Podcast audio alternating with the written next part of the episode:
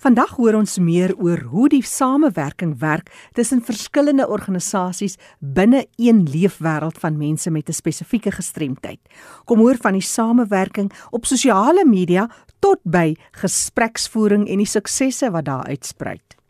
Later meer oor internasionale geestesgesondheidsbewusmakingsmaand, want dit is in Oktober maand wat daar wêreldwyd bewusmaking gekweek word oor hoe om ons geestesgesondheid te bevorder en te bewaar.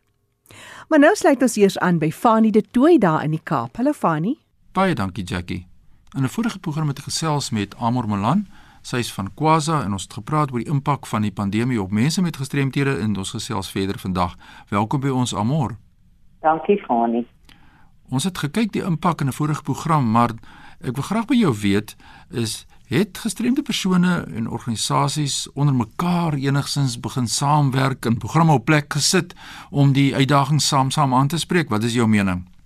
Ek ek kan nou vir jou vertel wat ons binne ons organisasie gedoen het ons het gebruik gemaak soos wat alle organisasies maar gedoen het met die migrasie na aanlyn programme toe. Ons het gebruik gemaak van sosiale media om mekaar te ondersteun en wat regtig waar wonderlik was vir ons was ons het baie beter met mekaar begin kommunikeer. Ja. Ons het onmiddellik inligting uitgesit as ouens in 'n noodtoestand stand ervaar het. Nou, ons het probleme ervaar met ouens wat byvoorbeeld nie genoeg kos in die huis gehad het. Ja. Dan die van ons wat hulpbronne gehad het in ons huis, dan mekaar gekom, pakkies by mekaar gesit en vervoer gestuur om dit by hulle te gaan aflaai. Ons het dieselfde gedoen met mediese produkte en natuurlik as iemand gesukkel het met sy gesondheid, het ons ondersteuningsgroepies, jy weet mekaar begin bel, uitgevind hoe dit gaan net morele ondersteuning en mekaar probeer oplig en probeer aanmoedig. En dit is maar wat ons in plek gestel het om mekaar te ondersteun. Ons moet 'n bietjie dinge anders begin doen dit. Nee. Is daar programme wat julle moes aangepas het? Ons moes in terme van organisasie en ook natuurlik met kommunikeer, ons moes baie meer ons ons vergaderings aanlyn gedoen het. Ons moes met mekaar die die opleiding wat ons doen, moes aanlyn gebeur het soos wat meeste mense maar aangepas het. Ons uitdagings was baie van ons lede het nie slimfone nie. So ons moet hulle steeds gaan haal het en hulle by plekke uitgebring het waar hulle ja. wel van ons aangesig tot ongesig in mekaar kon uitkom. Uh, dit was steeds 'n uitdaging geweest was om om die die programme aan te pas sodat ons dit helfte helfte kon doen. Party was aanlyn en party was was van ongesig tot ongesig dat ons alse 'n geïntegreerde program kon aanbied. En en dit het ons moes ons maar leer. En natuurlik met baie van die netwerke wat nie oral toeganklik is nie dit was ook baie van die informele areas waar ouens nog steeds bly is daar nie goeie netwerk toegang nie ja. En van die ouens wat daar woon sukkel dan om deel te neem aan programme. So ons moet 'n bietjie aanpassings daar ook maak. Van die ouens het ons natuurlik ons het 'n program begin waar ons data aan die ouens gesirkuleer het want die ouens leef ook maar op hulle subsidies wat hulle van die regering kry wat beperkte vitamins maar is maar 'n klein inkomstetjie so ons het ons het dit ook begin doen. Ja. Nou julle by Kwasa natuurlik elke organisasie wat nie winsbejag gerig is nie kry maar swaar in hierdie tyd seker ook julle wat het julle gedoen daaromtrent ja ons ons sukkel ons sukkel steeds en dit is 'n area wat wat ons baie uitdaging mee ervaar. Ons sukkel nog steeds om regtig kreatief te raak met ons aanlyn vernuftheid. Ja. So as daar iemand daar buite is wat vir ons kan raad gee, en vir ons kan sê maar hoe dit is hoe jy hierdie fondsinsamelingsprojekte kan aanpak. Ons sukkel nog steeds bietjie daarmee. Soms het ons idees en dan is ons verder ondersoek. Want nie een van ons is eintlik tegnologies besig gedrewe nie. Ons is maar in alle areas waar ons vaardighede lê dit is vir ons 'n uitdaging baie van ons fondsinsamelings in die verlede was maar buitelig dit was ons het ondersteuning gehad met ehm um, ouppies wat vir ons aanbiedings gedoen het kunstenaars wat optredings gedoen het ons het buitelig fietsrytoere en so aan onderneem en dit het altyd goed gewerk vir ons so dit skielik moet ons aanpas en almal almal het swaar gekry en, en natuurlik met besighede wat hulle inperkings beleef het en nie soveel inkomste gehad het om te deel met die omgewing nie en en met die gemeenskap nie. Het dit natuurlik die bietjie geld wat daar was om uit te gee, het minder geword. Ja, en dis die nood het groter geword. dis baie waar. So, so ek dink dit het 'n uitdaging geword vir almal. So as van mense wat raad het, veral in terme van tegnologiese fondsinsamelingsprojekte, sal ons dit baie waardeer. Ja, baie dankie. Ons gaan jou kontak besonderhede net hoe deurgee. Kom ons kom bietjie terug by die feit dat jy as 'n persoon met 'n gestremdheid jouself en die uitdagings natuurlik is hospitale wat mense moet besoek en dokters. En ek wil by 'n spesifieke punt uitkom en dit is waar iemand die hulp het van 'n versorger. Hoe is daardie situasie het dit enigstens 'n verskil gemaak in die pandemie tyd? Want jy's natuurlik iemand wat ook seker van tyd tot tyd van 'n sorgpersoon gebruik maak. Sê vertel ons 'n bietjie meer daaroor. Ja, ek maak gebruik van 'n versorger elke dag, maar deurlopend deur die dag. Die uitdaging vir my persoonlik en ek praat nou natuurlik uit my ervaring uit. Ja.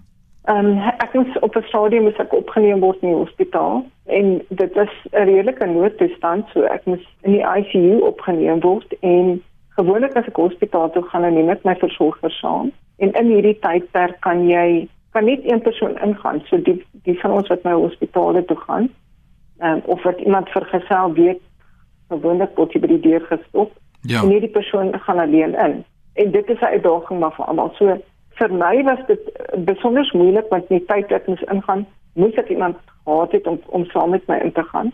Twee moontlikhede. Of jy het iemand wat in 'n gesagsposisie en 'n gesag op jou afdwing en sê maar net een persoon kan ingaan. Of jy het 'n persoon wat by die deur staan wat eh, eh, redeneer en sê maar ek kan sien dat hierdie persoon hulp nodig het en die persoon nodig het. So in my ervaring, vir my was dit goed geweest, hulle het toegelaat dat iemand saam met my ingaan. Ja. Ek het ook toe ek ingegaan het, die dokters was baie goed gesind, verpleegpersoneel baie goed gesind. Ja. En dit die ou ou en toegelaat dat my versorger wel by my kon bly Ja. en my deur die deur die dag kon help. Ek dink hulle het dit ook waardeer want hulle hulle eie versorgingspersoneel is baie oorweldig. Ek was in 'n baie bevoordeelde posisie geweest. Baie van my makkers is nie dieselfde vergunning toegelaat nie. Ja, dis baie interessant. Ek was ook in 'n hospitaal gewees in die tyd vir iets anders, nou nie COVID verwant nie, maar die maskers is 'n ramp vir ons dowe mense. Ek weet nie wat is julle genade. gedagtes daaromtrent nie, maar goed, ek het swaar gekry rondom kommunikasie. Fanny, dit is ek my my, hart gaan uit na jou toe. Ek ek het 'n 'n gehoorgestremdheid nie doof nie. En en ek moet na, na mense se monde ook kyk. En anders weet ek nie waar die klank vandaan kom nie en ek weet nie wie praat nie en ek kan nie woorde uitmaak nie. Ja. En 'n mens kommunikeer elke dag, heeldag met mekaar en dit is bitter moeilik. En oral. Dis nie net in die hospitaal nie, as jy winkel toe gaan, as jy as jy met mekaar sommer net 'n jy weet gesprek voer. Dit is oral waar kommunikasie uitdaging is. Ja, kommunikasie is oral. Amor 'n groot saak natuurlik vir mense wat rolstoele gebruik is toeganklikheid. Ongelukkig het ons baie na aan die einde van ons program gekom vandag. Ek wil 'n volgende program later in die jaar met jou doen oor net toeganklikheid, oor die aspekte van toeganklikheid en wat mense gedagte moet hou. Is daar so ter afsluiting van ons gesprek iets wat jy net onder die gemeenskap se aandag wil bring as iemand wat elke dag 'n rolstoel gebruik en die toeganklikheid aspekte wat hulle tog in gedagte moet hou asseblief. So ter afsluiting voor ons jou kontak besonderhede deurgee. Dankie Fanie, ek sal dit graag doen. Ek wil vir almal wat 'n besluitnemings posisie is, in enige hoedanigheid waar jy besluit neem, asseblief hou in gedagte. Toeganklikheid is die grondslag vir elke liewe persoon se toegang tot enige diens en tot toegang in die samelewing in. As ons plekke nie toeganklik is nie, ons vervoer nie toeganklik is nie, ons areas, ons winkelsentrums, ons werksplekke nie toeganklik is nie. Al wat ons doen is ons skep 'n nuwe tipe van apartheidstelsel waar Ja. mense by huis moet bly en ons maak seker dat die ouens nie kan deelneem in elke dag vir Suid-Afrika as 'n burger nie. So Ja. neem dit asseblief in gedagte. Dit is amper soos ons sê ons is nie welkom in 'n plek as daar net trappe is nie en geen opritte nie. Dis wat jy eintlik sê. Dis die boodskap wat ons vir mekaar uitstuur, dis die boodskap wat ons as gestremdes ervaar. Nou ja, ons moet in 'n volgende program wil ek met jou 'n bietjie gesels oor die kwessie van toegang tot geboue.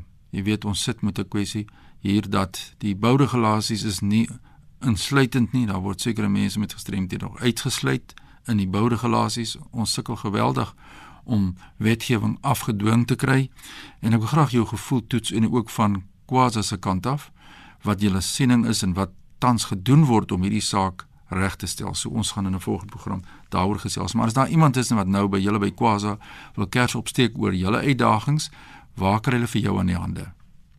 Goed, ek gaan my persoonlike e-pos vir jou gee. Asseblief. Dit is Amor Amor Malan by Bamboo Rock SA Bamboo Rock SA en sien oor dit sit af of hulle kan my ook skakel by my selfoonnommer is 073 987 2222 hulle kan ook vir Ingrid skakel by ons kantoornommer en en haar telefoonnommer is 082 332 7717 Kan jy net vir ons daai telefoonnommer van jou herhaal asseblief?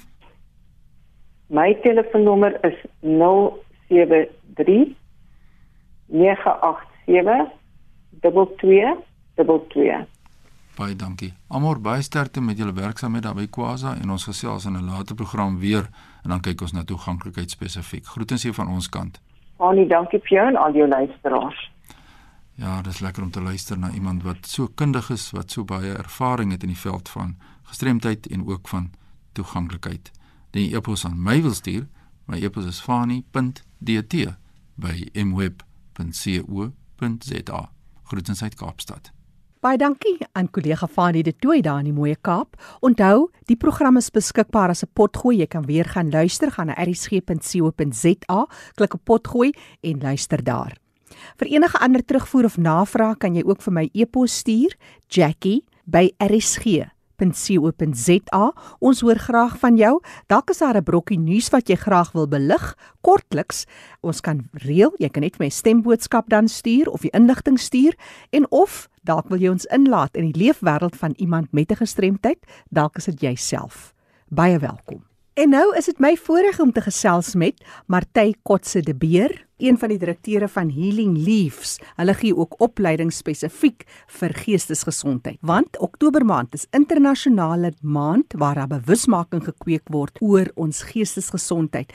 Dis 'n internasionale en ook 'n nasionale inisiatief. Martey, net so kortliks oor so 'n spesifieke maand van bewusmaking. Hi Jackie, dankie dat ek vandag met jou kan gesels. Oktober maand is so belangrik want ek dink dat geestesgesondheid is iets wat ons nie genoeg oor gesels nie. Dis iets wat mense nog baie skaam is om oor te praat. Ek dink daar's nog baie shame wat mm. saam met dit kom. As jy sukkel met jou geestesgesondheid, dan voel mense baie keer maar jy weet daar's iets fout met my. Ek probeer net nie hard genoeg nie, ek net nie sterk genoeg nie. En ek dink dit is so belangrik dat ons daai stigma regtig wegvat en sê weet jy wat, dit is oukei okay om nie oukei okay te wees nie. Almal sukkel partykeer en ek dink veral in die laaste amper 2 jaar wat ons nou met COVID saamgelewe het, so baie mense het regtig gesukkel met hulle geestesgesondheid. Mm. Mense wat dalk nie voor die pandemie begin het ooit gesukkel het nie, het in hierdie laaste 2 jaar regtig gesukkel vir die mense wat voor die tyd al geestesgesondheidsprobleme gehad het, dink ek al COVID se uitdagings het dit net erger gemaak. Absoluut. So ek dink meer as ooit is dit so belangrik dat ons kan openlik praat oor geestesgesondheid en regtig vir mense sê maar dit is nie iets wat jy hoef weg te steek nie. Um en kom ons wees eerlik daaroor en kom ons help mekaar waar ons kan. Mm, en die stigma wat ons moet afbreek. Maar as ons praat van geestesgesondheid is daar twee uh, groot pilare wat 'n mens seker kan uitsonder een kant het jy 'n disfunksionele breinaksie, dan aan die ander kant is dit baie keer net 'n tydelike uitdaging waarmee jy sukkel en iets waarmee jy net nie die nodige hanteringsvaardighede het nie. Verduidelik ons kortliks oor hoe dat jy sekere goed het jy nou kan jy gaan vir berading, ander kere moet jy medikasie kry. Ja, en ek dink dit is iets wat mense baie keer nie reg verstaan nie. Soos jy verduidelik het, vir party mense hoe hulle brein werk. Hulle het medikasie nodig om hulle brein te help om optimaal te werk. Hulle gaan dalk nooit sonder medikasie gesond kan lewe nie. En dit is oukei. Okay.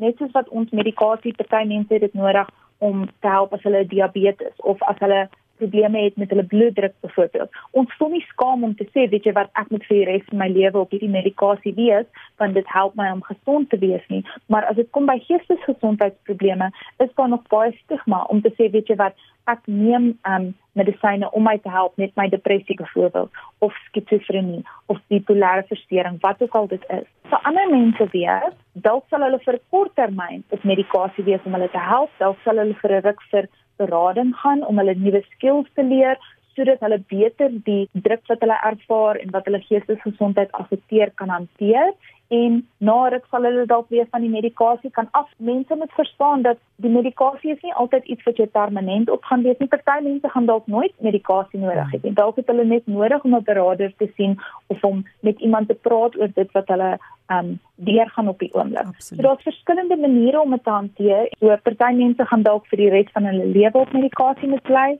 So party mense gaan die medikasie dalk 'n korttermyn ding wees net om hulle deur 'n moeilike tyd te help, dalk saam met berading party mense gaan dalk weer net vir berading gaan. Dis regtig iets wat elke individuele persoon het behandeling nodig gebaseer op wat hulle nodig het. Absoluut. Later gee jy vir ons 'n bietjie meer vir ons knapsak want jy bied wonderlike kursusse aan by Healing Leaves ten opsigte van hoe mens kinders kan help en ook hoe jy jouself kan help. Maar vertel ons eers, as ons kyk na mense met gestremthede of persone wat leef 'n vol lewe gesond, blakend gesond, almal kan net so na of so ver van 'n geestesongesteldheid wees soos wat jy versorging toepas op jou eie geestesgesondheid. Dis baie waar en ek dink veral soos ons vroeër gesê het, die moeilike tye waardeur ons gegaan het as 'n land en as 'n wêreld as gevolg van COVID. So baie mense het gesukkel mense wat dalk voorheen met 'n gestremdheid klaar gelewe het, wat klaar gesukkel het, jy weet die inperkings, die isolasie wat baie van ons ervaar het, die vrees van die virus, dit het so groot impak op hulle gehad het en dalk die goed wat hulle klaar mee gesukkel het nog moeiliker gemaak het.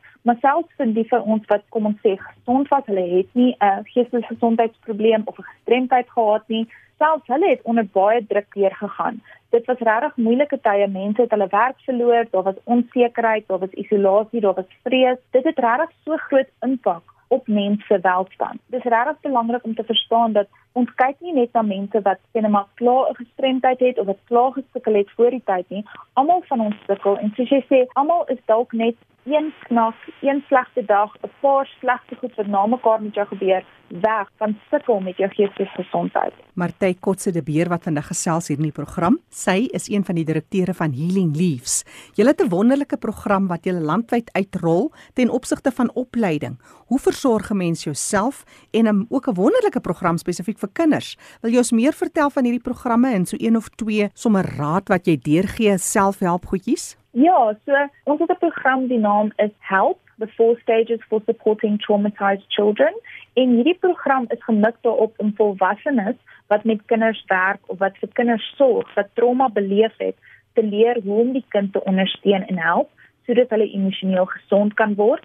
En die program bestaan uit opleiding wat ons in persoon of online vir mense kan aanbied. En een van die goed in die program waar ons baie opgewonde is, ons noem hulle self-soothing toolkit. So dit is regtig 'n gereedskapstelletjie wat vir kinders help om hanteringsvaardighede te leer vir wanneer hulle deur moeilike emosies gaan, of dit nou angs of woede of hartseer of wat ook al dit is, maar regtig gesonde maniere vir hulle om met daai moeilike emosies te deel. En dit is regtig goed wat vir ons as groot mense ook van toepassing is, want baie van ons leer dit nie as kinders nie. Selfs as groot mense weet ons nie altyd hoe om onsself te help wanneer ons deur moeilike tye gaan nie. En hierdie boksies, hierdie toolkits het regtig gereedskap in wat 'n kind kan gebruik om hulle self te help. Byvoorbeeld, ons het 'n glitter jar in, ons het potlode en 'n boekie in sodat hulle kan skryf of teken. Ons het verskeie fidget speelgoed om hulle self besig te hou en dan is daar ook plek in die boksie vir die kind om hulle eie goedjies in te sit wat help om hulle te troos. Dis 'n foto van sien maar 'n troeteldier of 'n speelding waarvoor hulle baie lief is, dalk 'n sagte teddybeer wat ook al hulle laat beter voel wanneer hulle sukkel. Ek wil net noem dat mense hierdie boksies by ons kan bestel om self te koop, maar ons het ook nou 'n backup buddy um kampanje begin waar mense donasies kan maak as hulle voel hulle wil om ons te help om vir minder bevoorregte kinders van hierdie boksies te kan voorsien.